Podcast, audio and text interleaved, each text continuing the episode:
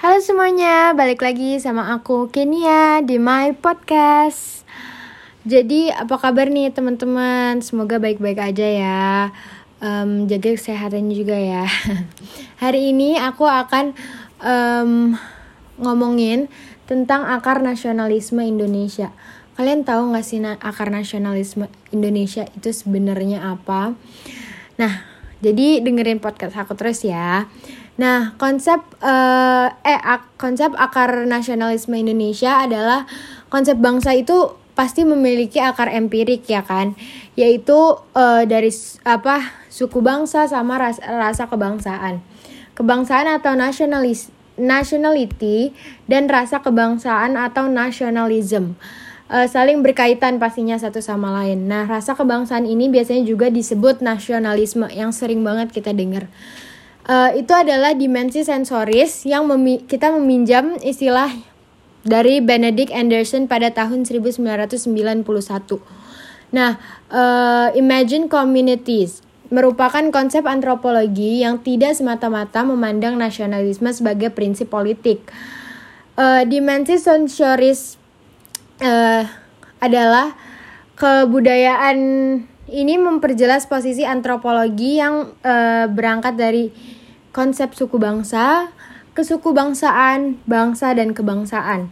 Sebagaimana dibicarakan yang tadi aku ngomong, itu tuh uh, inilah akar-akar bagi, bagi membicarakan rasa kebangsaan atau nasionalisme itu. Nah, kalau rasa kebangsaan atau yang kita sering bilang juga dan sering dengar itu nasionalisme itu adalah topik baru dalam kajian antropologi.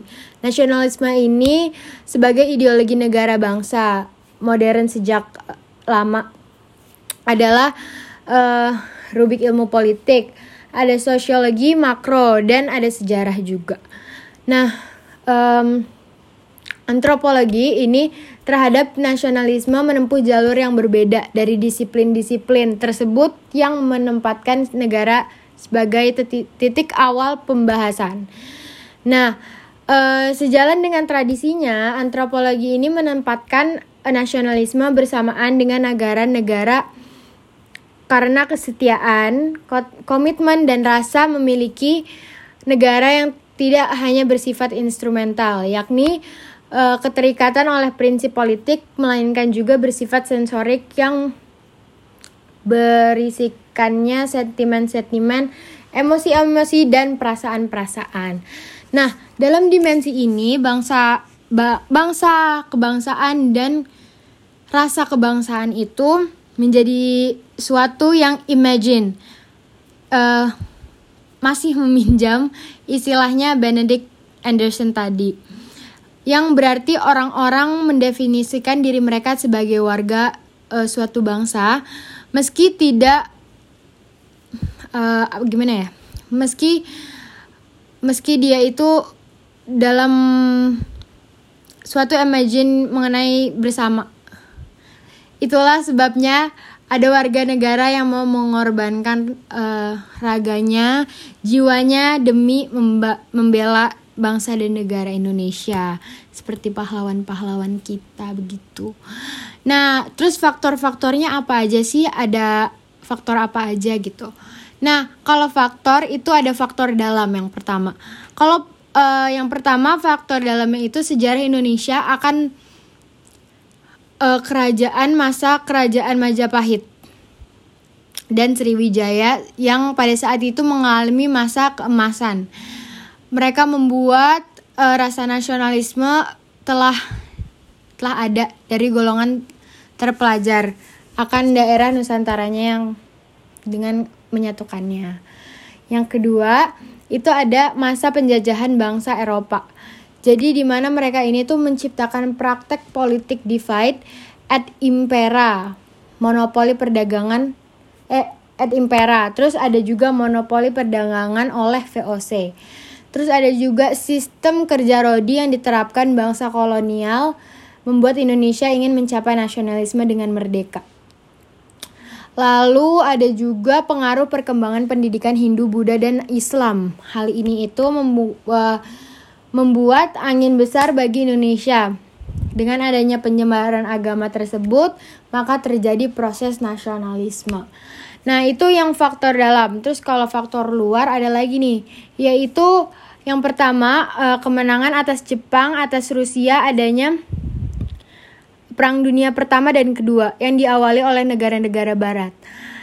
Yang menyebabkan Jepang ini ingin mengubah dunia yang kemudian men memenangkan Jepang kemudian Indonesia mengalami pergerakan nasional. Gitu. Terus yang kedua ada dipengaruhi oleh Partai Kongres India.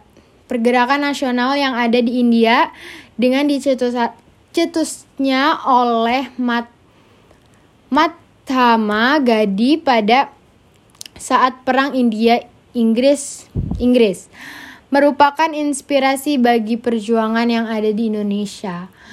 Terus ada juga yang ketiga, eh, nasionalisme Filipina oleh Jose Rizal Sala. Oleh uh, itu adalah seorang tokoh dari Filipina. Jose Rizal pada saat perang di Filipina dan Spanyol melahirkan kemer ke eh penggerakan nasional di Filipina.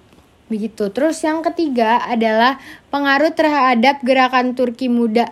Hal ini itu merupakan uh, penggerakan yang ada di Turki untuk modernisasi kehidupan masyarakatnya di sana pada waktu itu. Yang mempengaruhi Indonesia dengan membuat modernisasi uh, yang jadi Indonesia itu seperti kayak melakukan yang sama untuk uh, seperti yang ada di Turki gitu. Melakukan modernisasi yang sama. Terus udah gitu pada awal kemerde oh itu udah faktor-faktornya. Terus uh, kita bahas lagi nih.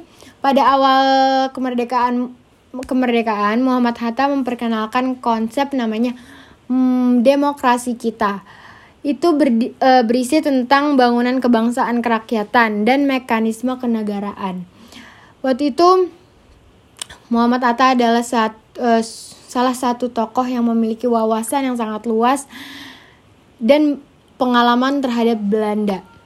Hal ini itu disebabkan Muhammad Hatta pernah mengayam pendidikan di Belanda serta mengerti pemerintahan Belanda, mempengaruhi dari kebangsaan, dari demokrasi, kerakyatan, eh, kemerdekaan, politik, negara, dan ekonomi da ekonomi dalam pemikiran oleh dunia barat yang dicermati oleh Muhammad Hatta ini.